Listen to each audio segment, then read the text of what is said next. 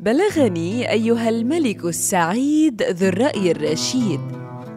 من بعد أن أعرب الخليفة هارون عن موقعه في بغداد لأجل التجارة ثم أكمل الخليفة هارون إني سافرت إلى أغلب البلاد وندمت أكبر الملوك فما رأيت مثل هذا الثراء ولا أبهر من هذه الحلة. فتبسم الخليفة المدعي ورد قائلا بما إنكم لست من بغداد فأنتم ضيوفي. وإلا كنت قطعت أعناقكم. وطلب من العبيد أن يقدموا لهم الطعام والشراب وأن يحسنوا لهم.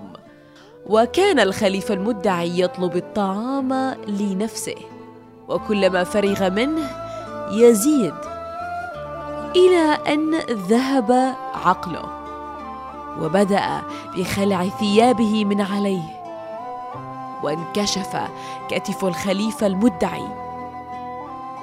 ظهرت على جسده علامات وكأنه مضروبا بالسياط.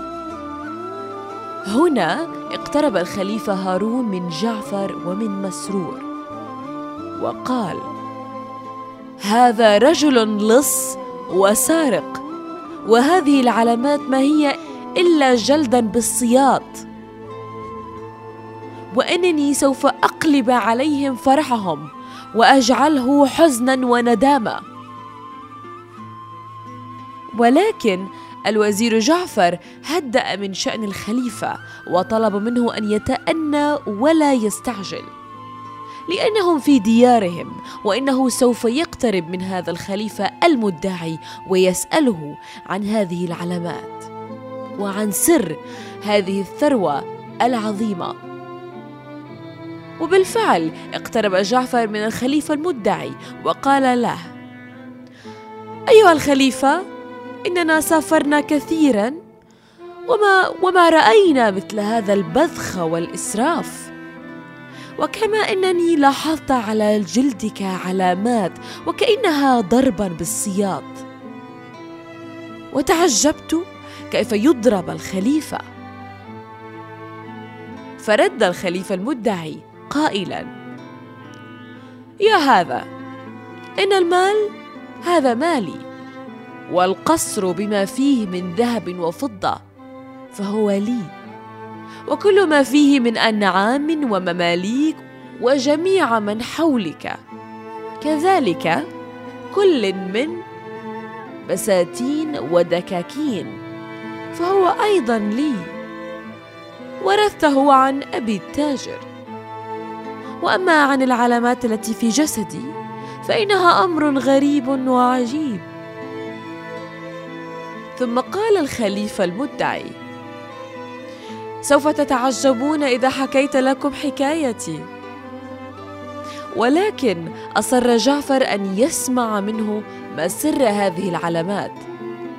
فرد الخليفة المدعي قائلا: اعلموا يا سادة أنني لست الخليفة. ولكنني أسميت نفسي هكذا وجعلت من أحد المماليك احدا يشبه الخليفة هارون كما إنني جعلت على نفسي سيافا يشبه سياف الخليفة.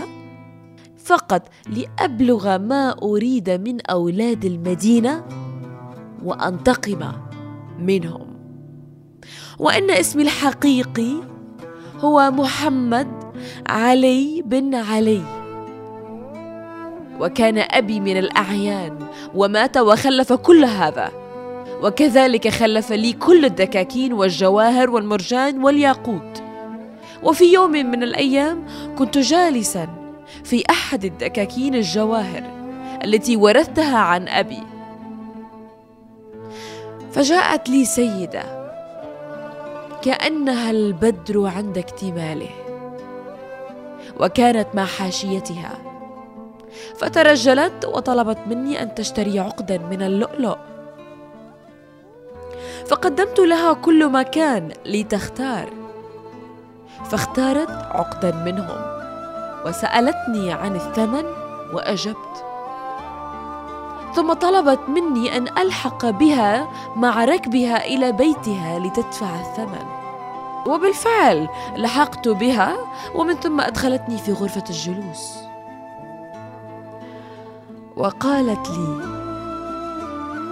أعلم يا محمد بن علي إنني أعلم من أنت وإنني أحبك كثيرا.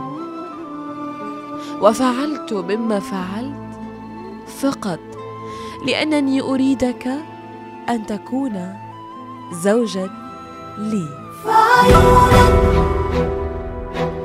الشرق وليل وسحر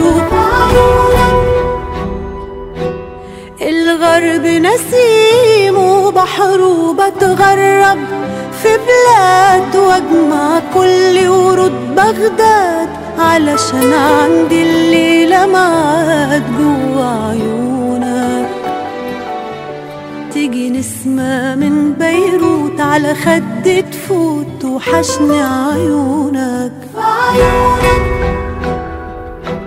وطني وبلادي.